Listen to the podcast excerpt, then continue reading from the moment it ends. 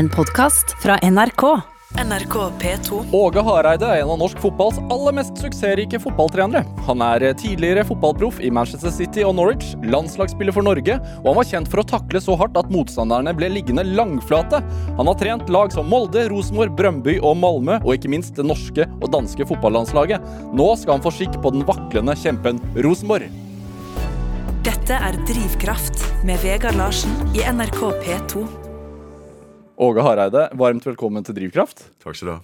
Veldig lang CV. Jeg, kom så vidt, eh, jeg klarte så vidt å komme gjennom, og det her var jo bare en sånn brøkdel. Ja, det har vært et, et, Et langt lang- liv. Langt fotballiv. har det vært. Er det, eh, hvordan har du det, må jeg spørre? Jeg har det veldig fint. Jeg har eh, nytt kne, og, og det har vært eh, godt å få inn. Fordi at det, det gamle kneet var utslitt og plaga meg voldsomt. Så det, det var en befrielse å, å bli operert. Hva var det, var, var det noe igjen i kneet, eller? Nei, jeg tror ikke bikkja engang ville ha det. altså. Det var uh, ingenting igjen. Det var uh, fem-seks operasjoner.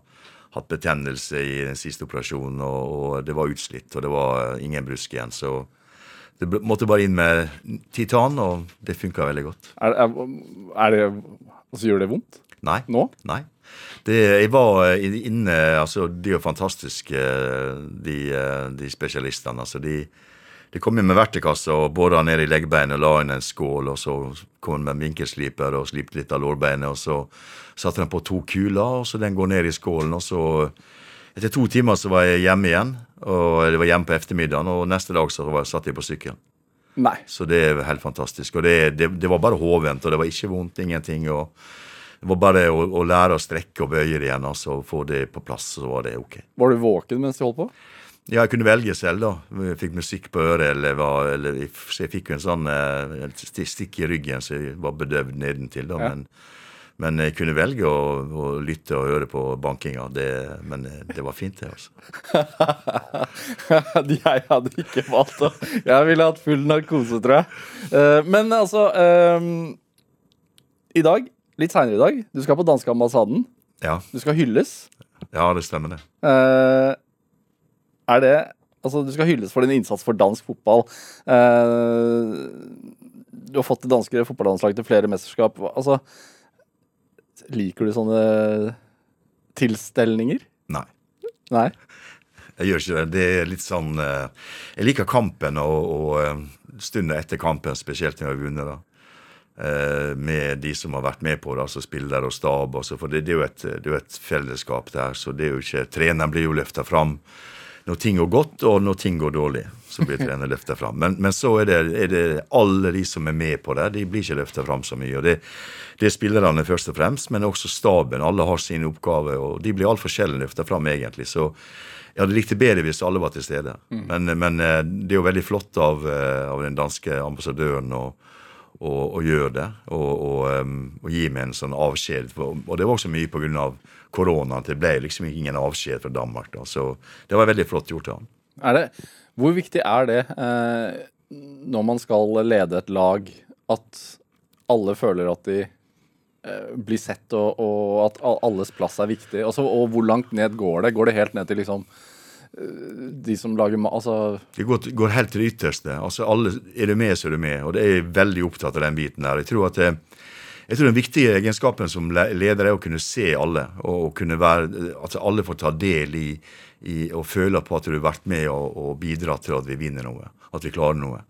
Og eh, som sagt, det er ingen sånn eh, soloprestasjon der. Altså, det er en prestasjon av mange, mange faktorer. fordi at det, det er mange personer som skal Vi har I Danmarks landslag har vi 23 spillere i troppen. Vi har også 23 som var, var uttatt til å jobbe med laget utenom. Alt fra kokk og materialforvalter. Alle detaljer skal være på plass. og Alt skal times. Og, og da skal de få sin fortjent honnør. Og, og jeg passer alltid på å, å rose dem når de takker for, eh, for kampene til, til alle sammen. Men det, når du kommer inn ny i en klubb, er det viktig for deg? Altså, gjør du, gjør du noen sånne endringer da, eller? Jeg gjør ofte det. Fordi, fordi at eh, jeg, går gjennom hele staben som, som, som er der, og, og senest ordet i Malmö, og også i landslaget eh, i- til Danmark, så har jeg gjort endringer. Det har tatt bort folk og satt inn nye folk. Og, og det er jo på eh, litt erfaringsbasert, og så litt at de vil ha den type mennesker inn i forskjellige funksjoner. Og, og, Ja, det, det, er en del av gamet. For det, det, det, en, det, er, en, regel som jeg, som jeg, går etter. Det er jo en, egentlig en dette er lead of change. da. Det er en som heter John Cotter, som har teorier på dette med hvordan du skal eh, bygge opp forandringsmekanismen. For det, du, du, må følge et system der. altså Det å forankre ideene dine. Det å sørge for Det er sånn at når du kommer inn på et nytt sted, så kan det være 10% som eh, ikke vil høre på det i hele tatt. Og så må du prøve å finne ut hvem det er. Og så er det 10% som kan være veldig lojal, og så er det 80 som du må overbevise. Og så er det liksom prøve å finne ut dette, dette hvem, hvem, er hvem, og hvor er de hen. Noen er veldig tilknytta kanskje den forrige personen som var der. Andre er veldig lojale mot klubben og bedriften og, og vil være der uansett. Og, og så, så, Det handler om å finne også de funksjonene, selvfølgelig. For det, det, kan være alltid fra assistenttrener, keepertrener, materialforvalter, fysioterapeuter. Alle disse folka som kan ha en påvirkning. For vi må bygge opp et sånn felles stammespråk, nærmest. Ja. Og ha et felles språk som er som er veldig positivt eh, tilnærma. For hvis du, hvis du har negative Folk er forskjellige. Folk er introvert, og noen er litt for ekstrovert. Og, og det handler om å finne ut disse personene som ikke snakker for mye, men som sier de rette tinga, som, som, på mange måter roser mer enn å si 'uff, nå er det galt'. De som kommer inn og sier at det er dårlig vær i dag, dem er jeg skeptisk til også. Fordi at det, det blir sånn at det, været kan ikke vi gjøre noe med. Altså, det handler om liksom 'Å, skal han dømme, han dommeren der?' Uff, nei, det, det går ikke.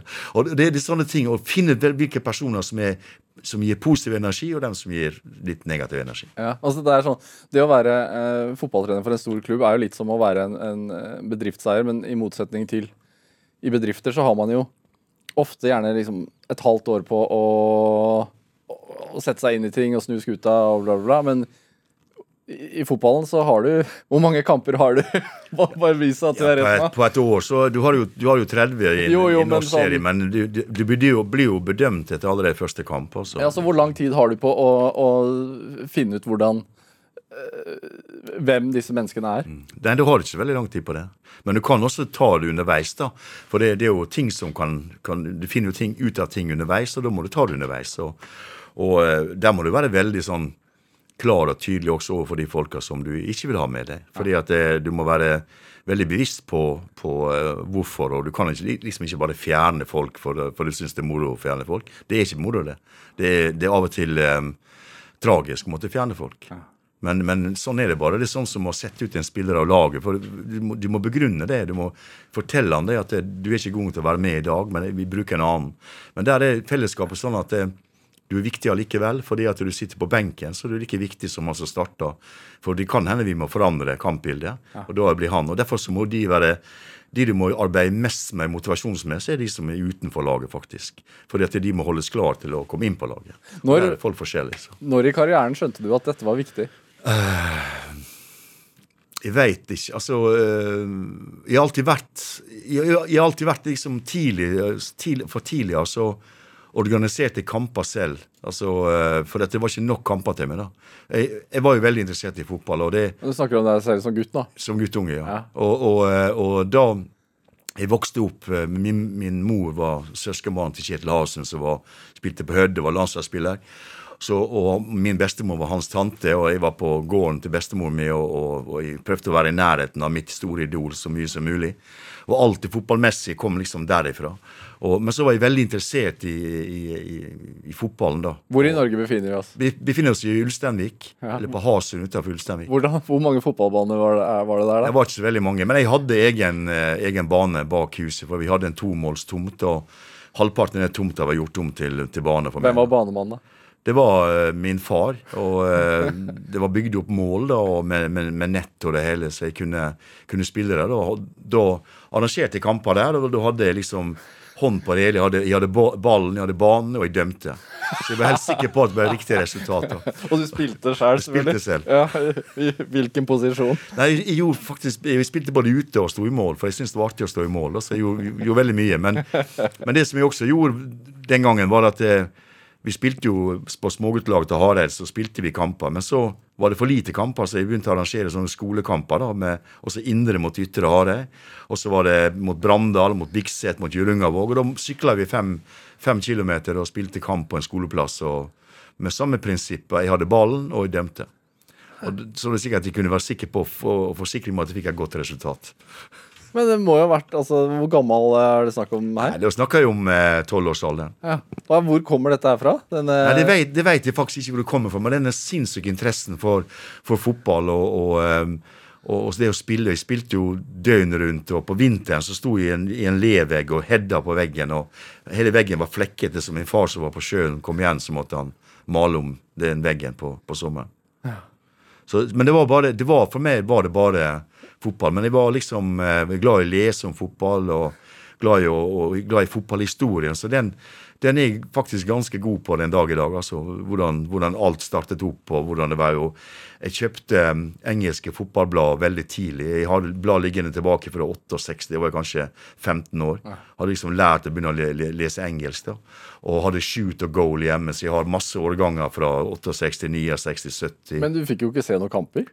Nei, ikke før i uh, 69, vel. Da, da begynte tippekampen. da. Ja. Men jeg begynte før uh, Hvor, tippekampen. hvordan f- f- Hørte du på radio? eller Ja, men 66-laget til England, verdensmesterne, hadde det på gutterommet på veggen.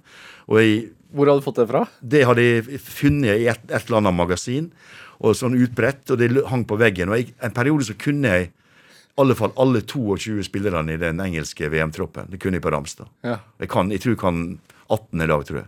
Jeg tror jeg har glemt noen som er forsvunnet ut av det. Ekstrem fotballnerd. Ja, faktisk sånn Litt sånn nerd, men jeg er ikke det heller, egentlig. Jeg er mer glad i historien og, og, og alt rundt det. Og, og når jeg begynte liksom å, å to fotballfag enda mer alvorlig, og to ut, fotballutdannelse, og, og de senere år så må du perfeksjonere deg for å holde ting oppe. og Så, så handler det veldig mye om hvordan du ser historien og utvikler spillet og spillere, og for de går fra forskjellige nasjoner. og Det er veldig interessant, fordi at det, dette med opprinnelsen, hvordan det kom til Europa, hvordan det utvikla seg i Europa, hvordan misjonærene egentlig tok det til Sør-Amerika igjen og, og tar det videre til Afrika, og hvilken del av Afrika som er fotballrelatert, og, og hvilken del som ikke er det. Hva var tanken, Unnskyld at jeg avbryter deg, men hva, hva, hva tenker du var tanken bak i, fotballen i utgangspunktet? Altså Var det en Nei, det var, altså, det var jo på mange måter Det var en kampsport, da. Altså, det, det første var jo egentlig det var, Først ble det lansert som en sånn um,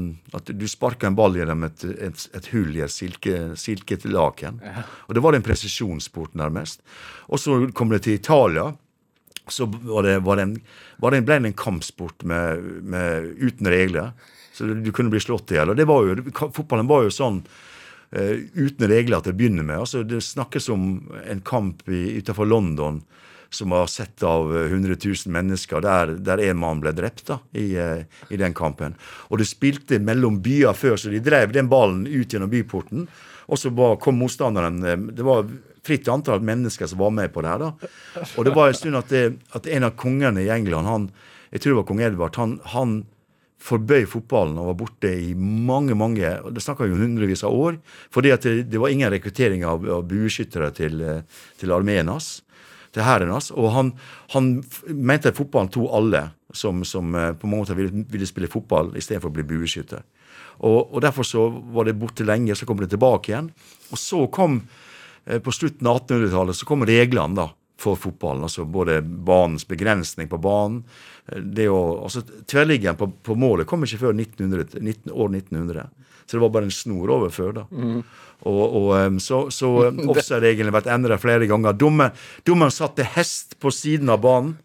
Og, det, og det skulle kanskje vært i dag og i enkelte kamper, bare for, bare for å markere at han var dommer. da. Men, men disse nå er, det, tingene- nå er det video, da. Det nå er det video, og når det var, når dommeren eh, utgår på dato. Det, er det, det neste vi opplever nå, at i domstolene så sitter en eller annen annen plass og sier at nei, dere dømmer feil. Vi mener at det skal være sånn. Men, og dette her syns du er fascinerende? Du syns det er, kjempefascinerende? Ja, jeg synes det er fantastisk å lese historien og, og lese om offside-reglene. Før hadde de tre, kunne ha tre mann i offside. Nå er det VAR-regler for å finne ut om du er offside i det hele tatt. Altså, så Fotballen har utvikla seg hele tida. Og så dette med historikken rundt det. liksom, Dette med betydninger, religion. Altså protestanter mot katolikker. Glasgow Rangers, Celtic i Skottland. Eh, Fargen på draktene eh, reflekterer også religion. Altså Fargen på draktene i England. altså Manchester United har røde drakter. Det var opprinnelig så eh, heter det Newton Heath. Det var fra en lokomotivfabrikk i, i Salford. Flesteparten var katolikker. Manchester City var protestanter, mellomklassen og blå. Altså, og Du kan finne det igjen. Sheffield Wednesday og Sheffield United røde og, eller er blå-hvite og røde-hvite. To forskjellige kategorier i byen Sheffield. Ja. Så, så det er sånne ting. Liverpool-Everton, som ligger på begge sider av en park Ja. i Liverpool. Så har du katolikkene eh, Liverpool, som egentlig Det var blå. ja, E- Everton Ja. var egentlig opprinnelsen til Liverpool. Ja. En styremedlem i Everton han er med og stifter Liverpool. Det, er- det er fantastisk. Skulle vært professor, du, Hareide. Ikke står, Når du står på sidelinjen og liksom maner gutta dine fremover, tenker du på alt dette her da? Nei, nei da tenker jeg på å vinne, da. Jeg tenker på liksom å få, få spillerne til å fungere. Vet du. Det er jo det som det er det som er fantastisk med å trene fotballspillere. At det får dem til å fungere enkeltvis og lagmessig Ja. og menneskelig. Da blir jeg så glad, Også. Og ikke minst det siste. fordi alle de guttene jeg har vært borti opp gjennom åra, så er det akkurat det der Det er ikke få. Det, det er ikke få, nei, det er mange igjen. Jeg tenkte på det, Unnskyld, nå avbryter jeg deg igjen, det, men det, det er jo Du prater jo. Men jeg tenkte på det før du kom inn her. Altså sånn stol... Altså, mest, nesten hele livet så har du stort sett vært sammen med 20-åringer. Du føler det som en selv også, da. Ja, du gjør det. det. Og det er det som er så Jeg sa til kona mi satt hjemme her, at jeg, jeg, kan, jeg kom opp på morgenen, så satt, satt jeg meg så, i samme stolen og sa at jeg kan ikke bli sittende her, altså. Det er ikke tid på mer. For det, det, det skjer jo ingenting. Du har ikke noen å, å jobbe med. Du har ikke noen liksom å påvirke til å bli bedre, og så, som du liksom har brukt hele livet på. Ja. Og det er fantastisk. Ja, fordi det var Altså, skulle du egentlig gi deg? Nå, grunn av- ja, på grunn av altså, kne ja, det var litt sånn eh, Alder Ja, og litt, alle, alle snakker om den alderen og sånt. Og det, og det, det er jo uunngåelig at de gjør det. Men du kommer til et, et stadium der du nærmer deg pensjonsalderen, så det er klart at alle lurer på om du skal orke å fortsette. Men jeg hadde nok, hvis ikke jeg hadde ork, hvis ikke jeg hadde lyst til det her, så hadde ikke det vært nødvendig for meg å fortsette. Jeg kunne hatt det veldig godt sånn ellers. Men jeg har lyst til å fortsette fordi at det, det gir meg det som programmet heter, det gir meg drivkraft. Det å kunne fortsette å jobbe med unge mennesker som du kan skape. Du kan skape noe ut av dem, du kan skape et lag. Du, du kan sørge for at de blir bra mennesker. Det er altså en positiv påvirkning på livet deres. Hva får du ut av det, da? Nei, det, Bare ved å se at, det, at det, de lykkes, så får de noe ut av det. Dette er Drivkraft med Vegard Larsen i NRK P2. Og i dag er eh, fotballtrener Åge Hareide her hos meg i Drivkraft på NRK P2. Altså, Rosenborg, Norges største fotballklubb, en klubb veldig mange mener noe om, ikke minst i Trondheim. Uh, du snakker veldig om sånn Rosenborg-kultur. Nå kommer Åge, Åge Hareide inn. Det, jeg har litt problemer med å se at, at du bare skal ta over en annen kultur. Jeg føler liksom at du skaper kultur, men tar jeg feil? tar litt feil, da, fordi at eh, jeg har jo uh, Min trenermentor det er jo egentlig det er jo Nils Aneggen. Han har jo eh, spilt under på U-landslag og A-landslag og har snakka tett med Selv om jeg var Molde-trener og skulle bli Helsingborg-trener, så snakka jeg med Nils. da. Både om eh, Og eh, jeg har alltid beundret hans evne til å, å skape ting, få ting til å fungere, fungere sammen. Og det har vært en stor egenskap. da, Relasjonelle ferdigheter og sette det sammen til et lag. Og det har jeg tatt modell av. Og, og, men du må, altså, trener, du kan ikke bli lik noen, du, du kan ikke kopiere noen. Du må finne din egen vei. da. Men med, under samme prinsipp. da. Hva, på, hvordan skiller dere dere da, tenker du? Nei, jeg tror, jeg tror bakgrunnen vår er, veldig forskjellig. Eh, men vi er begge opptatt av at vi eh, vil drive spillet fremover. Altså vi vil spille fremoverfotball istedenfor bakoverfotball. Og det er jo veldig viktig. altså Gjennombruddssissighet. Altså det, det er tingene som Nils snakka om på 90-tallet, og som Drillo snakka om på 90-tallet. Det er veldig aktuelt i dag også. Men i dag er det i en og samme form. altså Det som Klopp gjør med Liverpool, det er sånn heavy metal-fotball. altså det, det er Ikke nå lenger, da. Er, nå er de potte tett bakover også. Ja, det er de også, men, men likevel De er bare verdens beste. Ja, det var, det var, det, det var den utviklinga Liverpool tok, da, til de ble veldig sterke defensivt også. Men det handler om å være, være veldig klar på når du får overganger imot, og lukke ned dem. For det, det er alltid en risiko i å angripe en motstander. For det, det, blir, det blir, kan bli åpent landskap bak. Men da skal man for- fordele slik at du både kan kunne angripe veldig hardt og kunne forsvare deg. Det er en kunst, og det har Liverpool gjort. Og det skal Rosenborg gjøre, eller? Ja, Ja. det skal vi. Vi skal jobbe veldig veldig mye med det offensive spillet, og vi skal også være i stand til å forsvare oss med det, det som danskene kaller restforsvar. Altså de som ikke deltar offensivt, de, må, de har sine defensive oppgaver helt klart og tydelig. Og så skal dere slå Molde. Ja, det blir jo nødvendig det hvis du skal bli best. Så, så, men ikke sånn spesielt eh, å, å, å, slå Molde. For at Molde er i dag et av Norges beste lag, sammen med Bodø-Glimt. Så det blir veldig viktig å ta mål altså å kunne bli bedre enn dem. Ja. Men det er jo igjen sånn som Rosenborg var på det aller beste, så var vi i Molde veldig på å ville slå Rosenborg. Men det, det gjør at folk blir bedre. At alle lag blir bedre ut av det. Hvordan er det Altså hvordan, gjør, hvordan går du til verks for å få maks ut av hver enkelt spiller? Det du gjør, det, det at det, du må bli veldig godt kjent med spilleren. Du må liksom prøve å komme inn innenfor huden på spilleren eh, så fort som mulig. Jeg har alltid liksom hatt sånn fire kategorier som jeg har eh, hengt Jeg laga en profil på spilleren som setter opp liksom hva er hans tak, taktiske kunnskap, hva er hans tekniske kunnskap, hva, hvilken fysiske ferdigheter har han, og kapasitet. og da ser de på den, liksom, den mentale sida. Prøver å danne, lage et bilde av hvilken person de har foran meg. Og det, det, blir ofte det mentale som er avgjørende hvor bra det blir på de tre andre punktene. Men så har vi den, så arbeider vi etter den, isolert sett etter den, eh, de fire punktene. For dette, hvis du klarer å forsterke, altså bli bedre teknisk, taktisk og fysisk, så blir du også bedre mentalt. Du blir sterkere.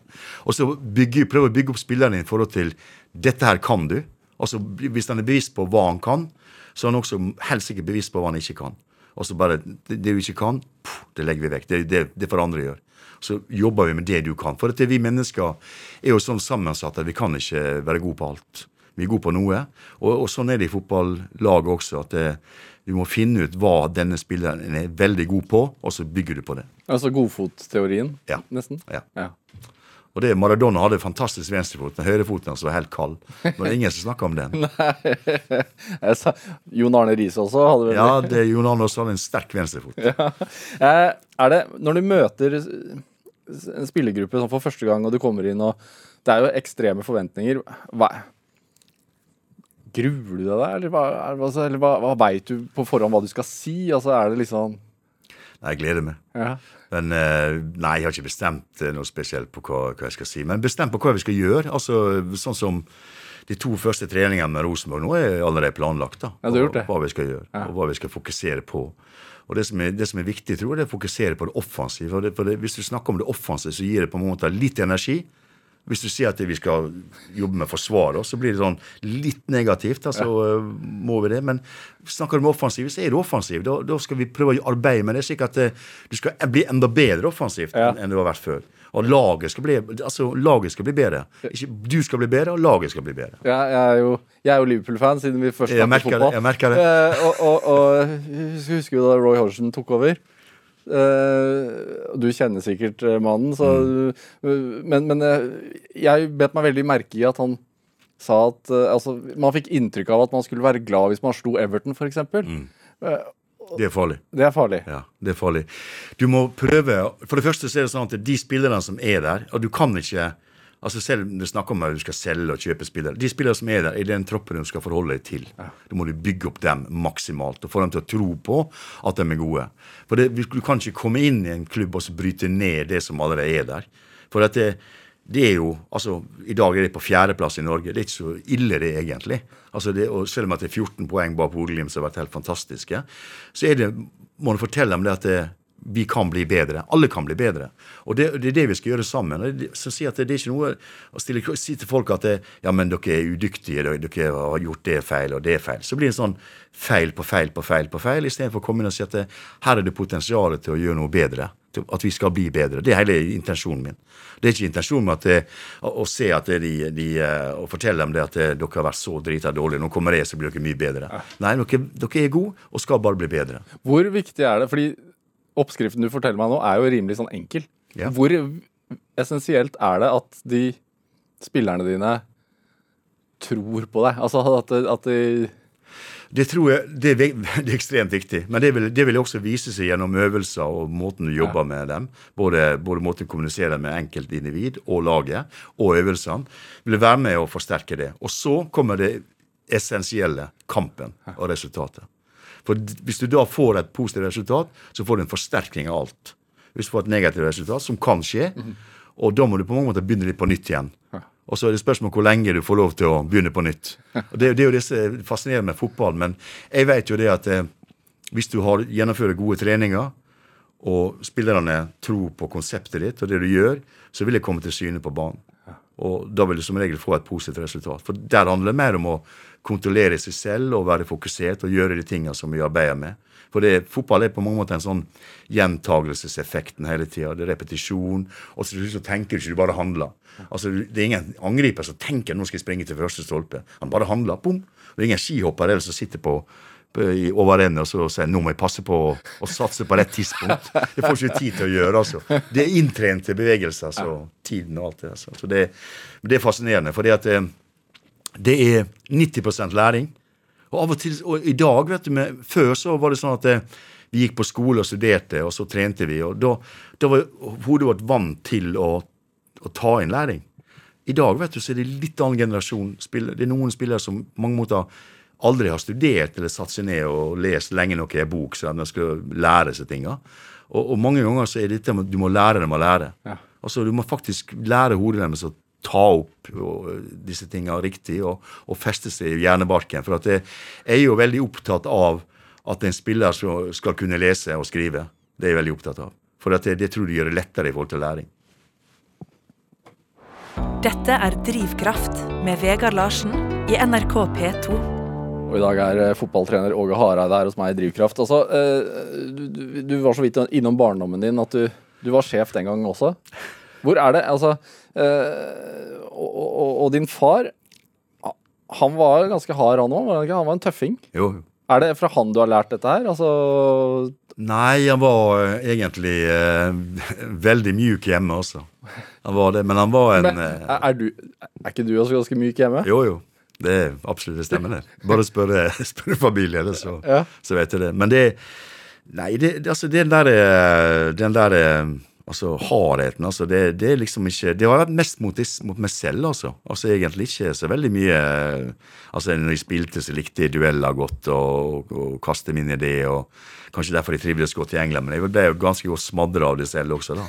Det gikk noen tenner. Det gikk noen hvor, tenner hvor mange tenner har du mista? Ja, det er mange. Jeg mista begge, jeg begge fortennene mine på boksing det mot Wolverhampton.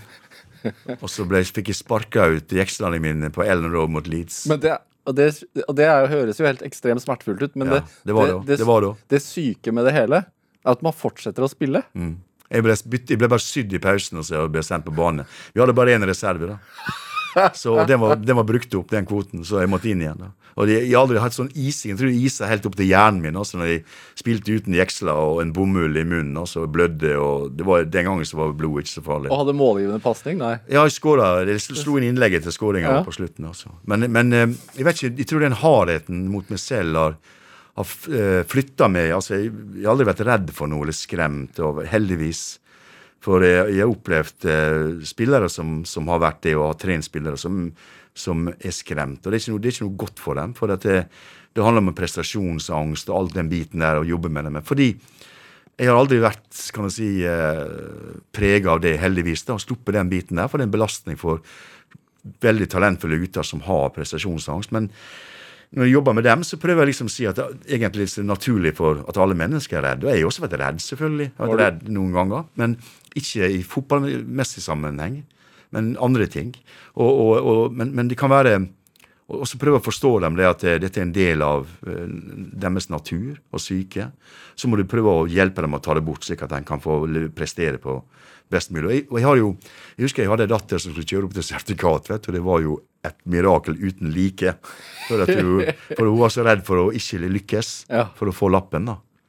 Og, og det, det, det, det satte meg til å tenke over liksom den biten at jeg, jeg snakker med vi vært opp til eksamen, så er folk redd for å stryke på eksamen. Og de flinkeste ofte de reddeste.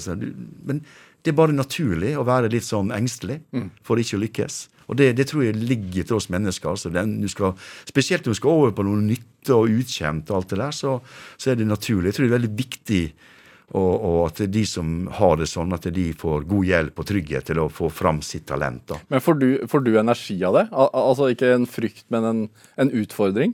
Utfor, ja, det det, du kan godt kalle det det. Det blir ja. utfordring.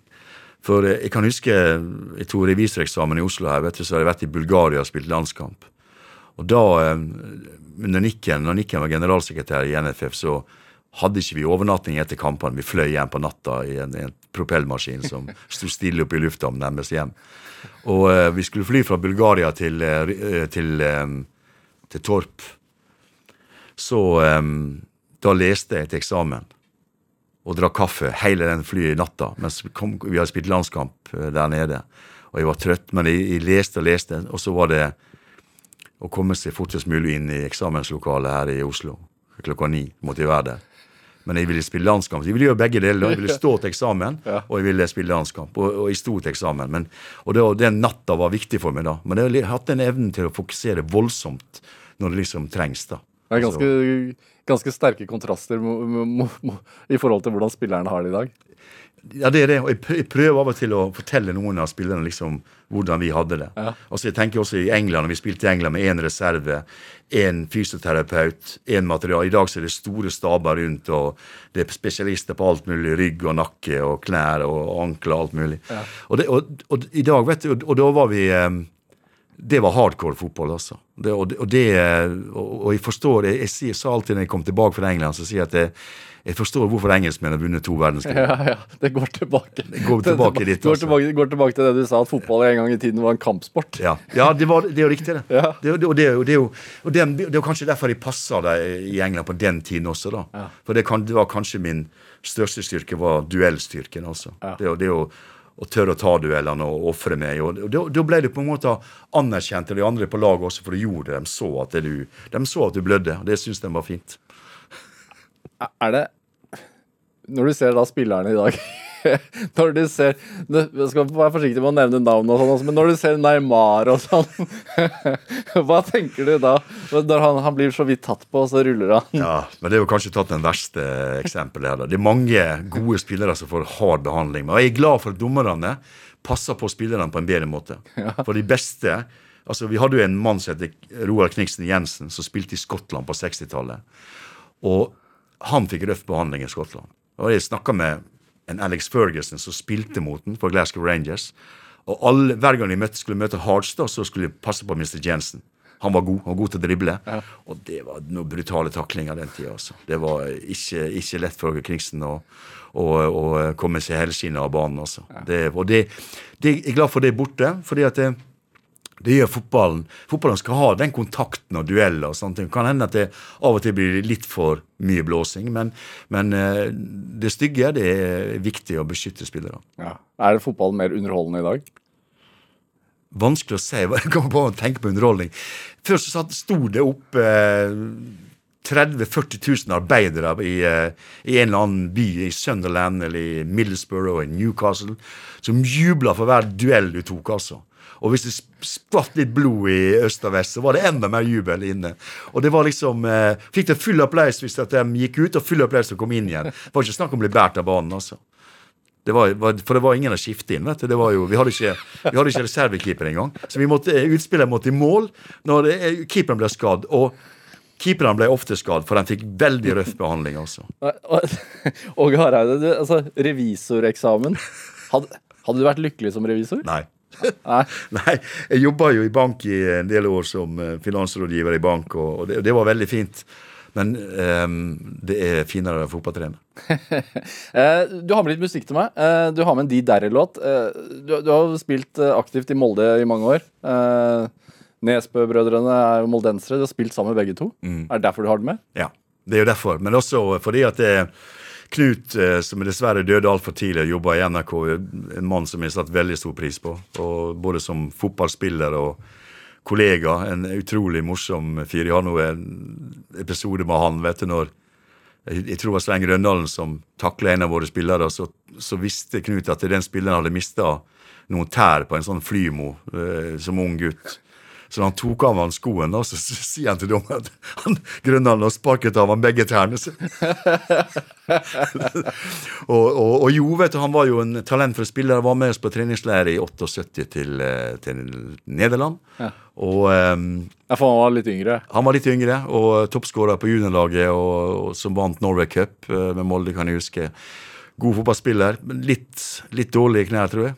Og uh, nå en eh, multikunstner på alle mulige måter. Han ringte meg i eh, Madrid når vi spilte mot Atletico Madrid mot Malmö. Da var han på bokmesse og skulle lansere bok i Spania. Populær mann ute. Han ville ha billettekamp, og selvfølgelig skal Jo få billettekamp. Det er jo fotballinteressert.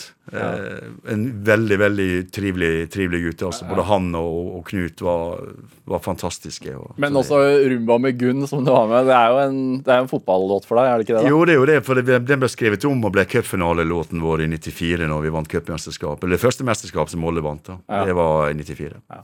La oss høre. I storsalen på Folkets hus med ei sløyfe som er rød. Sitter danseskolens minste mann og vet han snart skal dø. For fru Sveveland har sagt små piker engasjer, men de er slett ikke så små. Og dessuten er de flere, og nå hører han den fjerne torden av bøffelflokk. Det hamrer stillett mot parkett når horden går amok. I stum forferdelse griper han naboens hånd og hvisker et stille. Mor, må det ende sånn?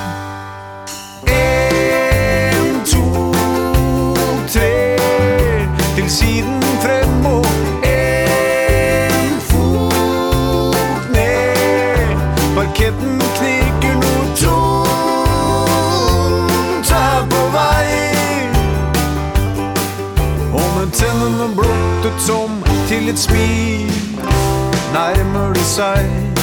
Og på en, to, tre så har hun festet sitt grep, hvis slikt kan kalles hun.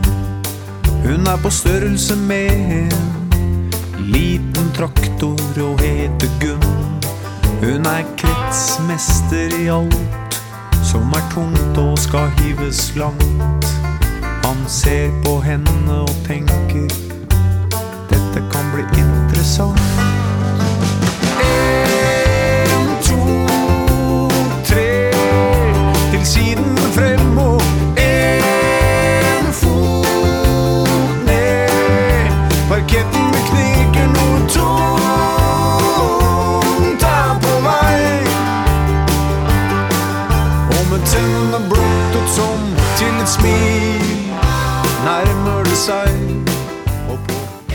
Du fikk Rumba med Gunn av de derre valgt av dagens gjest her i Drivkraft på NRK P2, nemlig fotballtrener Åge Hareide, som er Rosenborg-klar.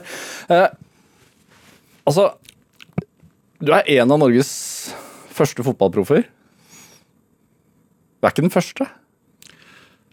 Eh, Einar Aas er den første til England, ja. Den Ja. første til, eh, til Eng- Engel, til øyene. Ja. Einar. Fra, fra Bayern München. Han Ja. var der først. Og du, du gikk til City, eh, og senere Norwich. Altså, jeg, tenker på han guttungen du fortalte om, som hadde det engelske landslaget på veggen, eh, som egentlig ikke hadde sett en eneste kamp, som hadde bane i bakhagen.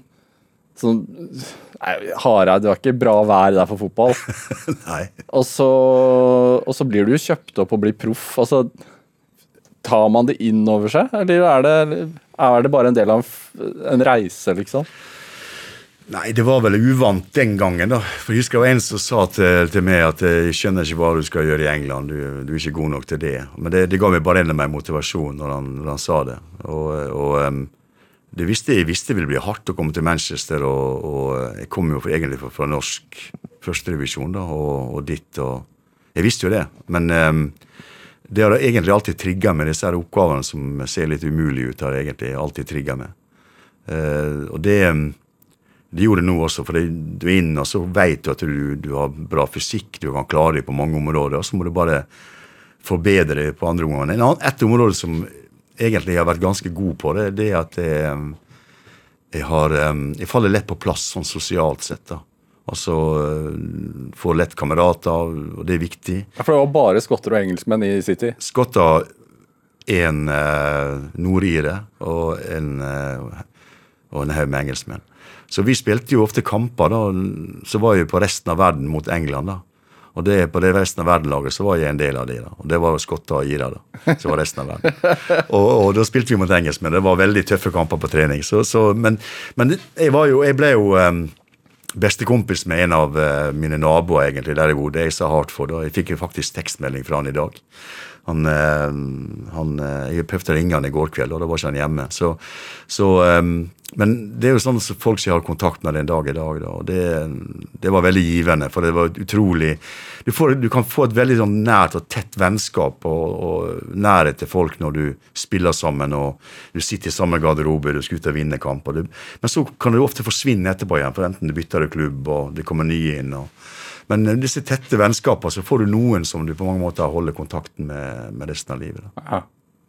man hører jo, i, forhold til din tid i England, så hører man jo ofte om utslåtte tenner og, og, og at, man, at dere satt på radiatoren i pausen for å, eller før, før dere skulle ut på banen for å bli varme og tok en ja, det var alltid eh, på plassene rundt omkring. Nå hadde ikke jeg eh, no, no, noen sånne tenner på stift. da. Eh, jeg, fikk uh, satt inn kunstige tenner foran med en gang, og det syns folk var veldig risikofylt. da, For de kan jo slås ut igjen på nytt. da. Men, men uh, de fleste hadde stift, og så de retta på hele spisestua når vi var ferdig med karrieren. Da Da retta de ofte nesa også, for den var brukket en del ganger. Så de var inne og retta nesa, så de satte inn på nye tenner. Men de hadde en plastikkbeger med vann i, og så stifttenna lå nede. Og vi hadde en i, i Manchester City, han bytta alltid om på disse begerne. vet du, Det var et sirkus uten like. altså. Begeret var jo helt like, vet du, og ingenting passa. så, så um, Men når det er såpass røft, da blir kanskje båndene også tettere? Ja, det blir det. Altså, eh, det blir det, blir det for at det, det, kunne ofte være sånn at det, hvis det var noen som har vært ufin med en av våre lagkamerater, så kunne det bli represalier på, på grunn av det. Og, og, men det var det var mye albuer, og det var mye tøft spill som førte til disse tingene. Det var liksom ikke så, det var ikke snakk om å legge seg ned og rulle seg rundt. Det, det fikk vi beskjed om en gang det skulle vi ikke gjøre. altså. Samme hvor vondt det var, så måtte vi aldri vise det. Og, og, men, men det har forandra seg, heldigvis. Og det er jo det som jeg sier at Fotballhistorien viser jo til at folk blir slått i hjel altså når det hele, hele begynte. da, så det heldigvis har det blitt mye mye bedre. og Det var ikke noe som vi skal tilbake til heller. for det det hører til eh, kampsportene og ikke til, eh, til ja, fotballen. Ja, ja, Men er det Du, du har jo eh, når, altså, først vært aktiv fotballspiller, og så har du jo trent to landslag, og du har trent mange eh, store eh, skandinaviske klubber. Også, du har jo fått møte veldig mye forskjellig ungdom. Eh, og, og, gjennom flere generasjoner, egentlig. Mm. Er det Har du blitt og så Hva skiller de fra hverandre? Altså er, hva, hva, tenker du om dagens fotballgenerasjon kontra liksom for ti år siden? Altså det, Verden går eh, fremover, altså på mange, mange, mange sett og vis. Og det, det som er stor, største forskjellen synes jeg nå, det er at det, når vi går tilbake igjen til både til min tid som spiller og 80-tallet og 90-tallet, så, så um, Sosiale medier var, var, ikke til stede den gangen. da. Altså Internettet var heller ikke til stede. Eh, I dag så jeg kaller det sånn, i dag er det sånn social media eh, generation. altså det folk... Eh, er man blitt mer selvopptatt? Ja. ja. Folk er blitt mer, I dag så er det jo en sånn en løpende mark, markes, merke, merkevare. Ja. Og du skal ha så og så mange treff der, og du har kanskje sponsorer som forlanger at du skal være på Twitter og Instagram og ditten og datten. og Det blir mye, mye posering. Og, og du, kan, du, må forstå den nye generasjonen, at det, det, er sånn de opplever det. Ja. Og sånn de skal være for en merkevare. Men jeg har jo trent noen av de beste spillerne i, Europa i de siste åra, med Christian Eriksen, Simon Kjær, Kasper Schmeichel.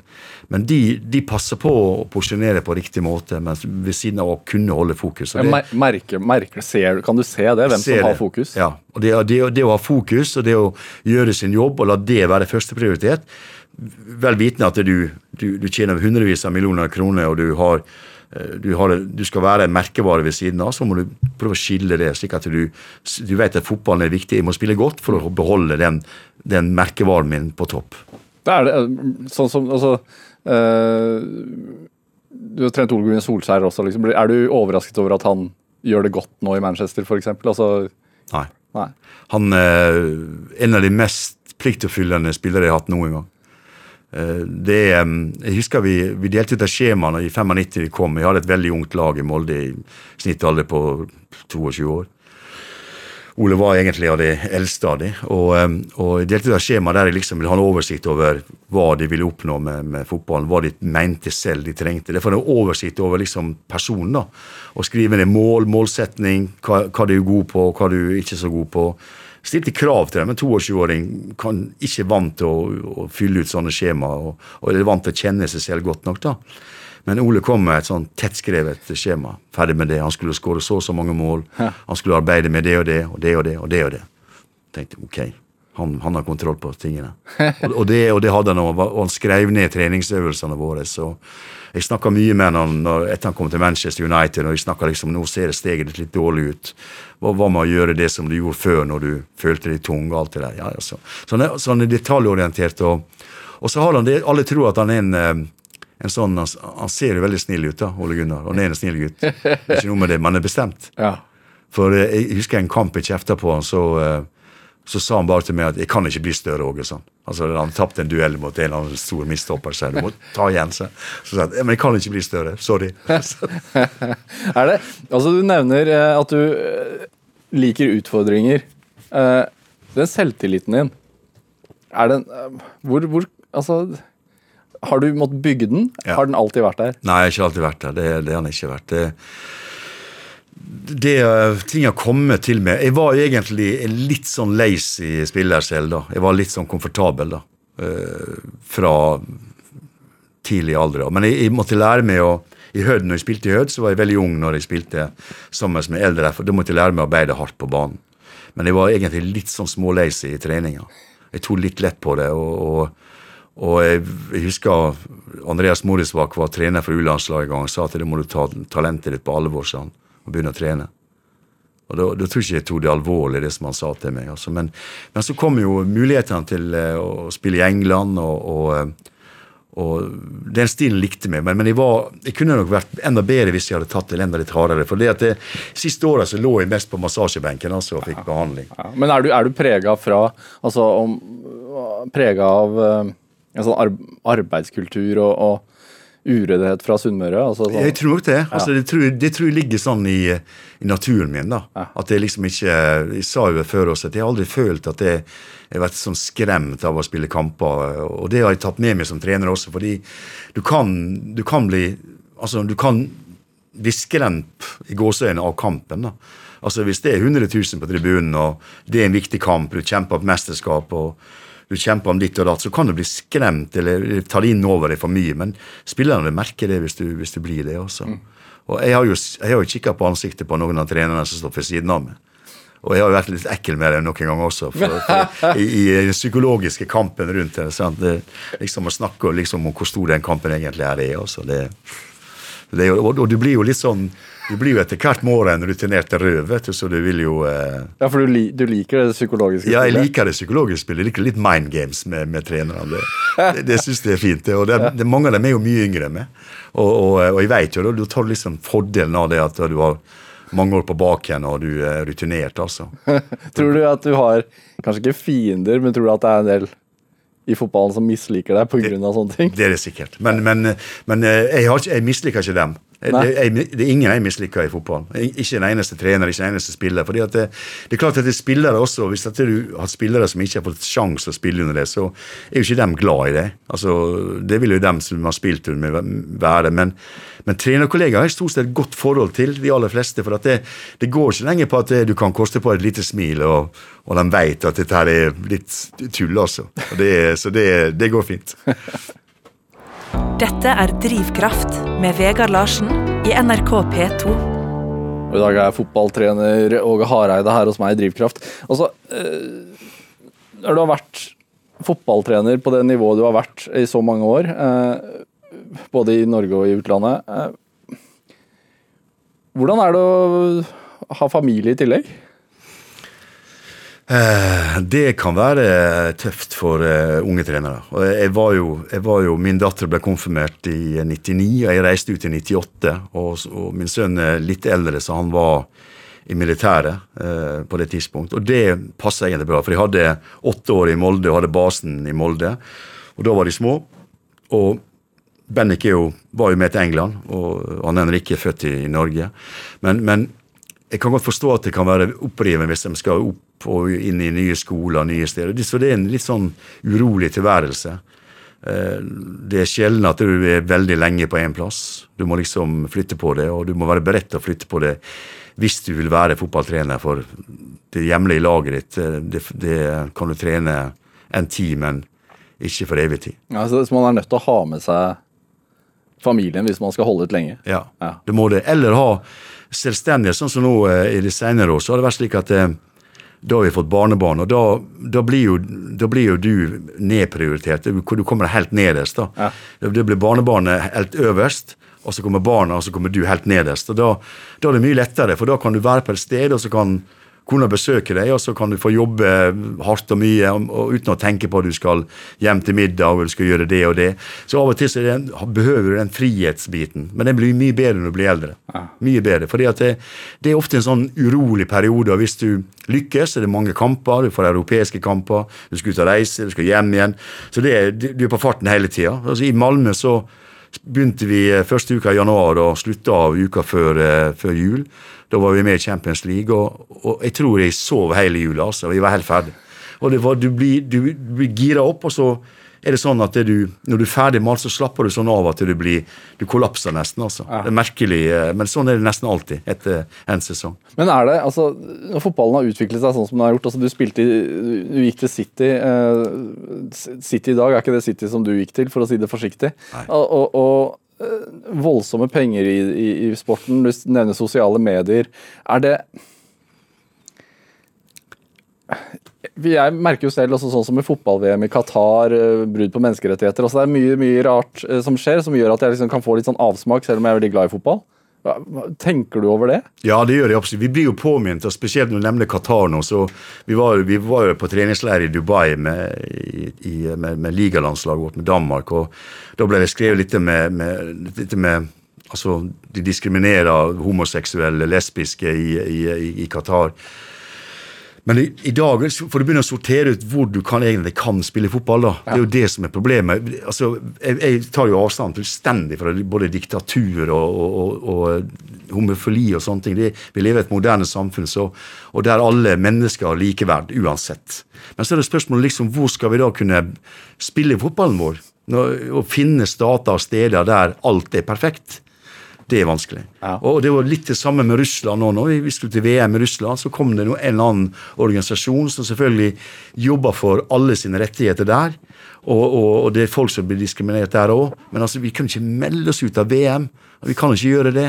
Altså, for, så vi må liksom for folk heller være med på å opplyse folk i kraften av fotballen og si at det, at, at det vi står for noe. Altså vi, vi, vi står for noe som er demokratisk og sunt og riktig for alle mennesker, og, og det er viktig. Og, og, og jeg, når jeg trener spillere, så spør jeg ikke eh, liksom eh, hva er legninga di, og eh, er du kommunist, eller er du, er du ditt eller datt, eller for det, eller Alt, De er helt likt for meg. Altså, jeg har jo sånn svarte, hvite og gule spillere. Det, at alle under samme kam.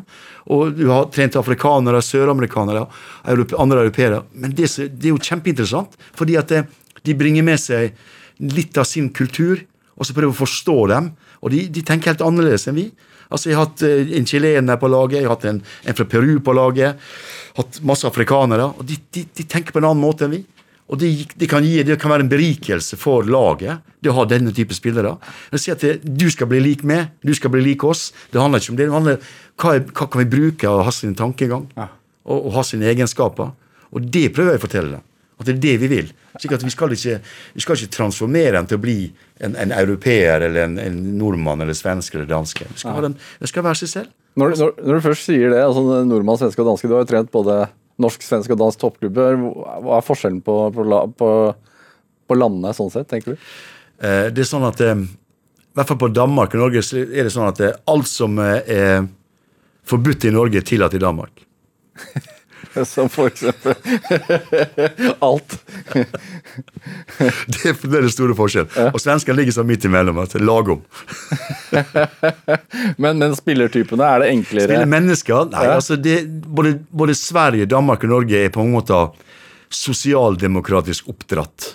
I nasjoner som har vært sos veldig mye sosialdemokratisk. Og det vil si at der, der er det likeverd. der er det, altså I Danmark er det, de er veldig glad i familien, de er veldig glad i samhold, glad i god mat, fest og hygge. De er glad i å være sammen. Svenskene er ikke så gode på det, syns jeg, men der er de mer sånn De skal innom alle for å få en en, de skal være enige om noe. Altså Det er ikke sånn at det er én svenske bestemmer, det er ti svensker som skal bestemme. Men, men de, de er også enige at du kan stole så 100 på en svenske når, når det, det, er gjort. Og, og, og, der er det på mange måter det er både likheter og forskjeller på, på mennesketypene. da. En danske liksom fest og hygge og god mat og kos. En svenske ordning og redo. Og liten som minitysker. Og så kommer vi nordmenn vi går litt i begge leirer, egentlig. også. Hva med trønderne, da? Trønderne er veldig veldig hyggelige folk. Og så vet du noe med Trøndelag, og det, dette er interessant. Hvis du tar området Trøndelag og Trondheim, så er det ikke noen plass på, på, på denne kloden det finnes så mange olympiske mestere, verdensmestere, europamestere og norgesmestere i alle idretter. Hvorfor det? Nei, Jeg vet ikke. Jeg tror, det, jeg tror det, er noe med væremåten, jeg tror med, noe med, med typen mennesker som finnes i Trøndelag. Altså, de, de, Du kan se på det. det er vinteridrett, sommeridrett. Det, det hva som helst, så, så er, de, er, de, gode. Og snart uh, tippeligavinnere, antageligvis, eller? Det blir målsettinga for 2021. Åge Hareide, tusen takk for at du kom hit til Drivkraft. Takk selv. Kjartan Aarsand uh, gjorde research og produsent for dette programmet. Hør flere samtaler i Drivkraft i NRK på nett, eller last oss ned som podkast. Send oss også gjerne nedpost til drivkraft krøllalfa nrk.no. Jeg heter Vegard Larsen. Ha det godt. Du har hørt en podkast fra NRK. Hør flere podkaster og din NRK-kanal i appen NRK Radio.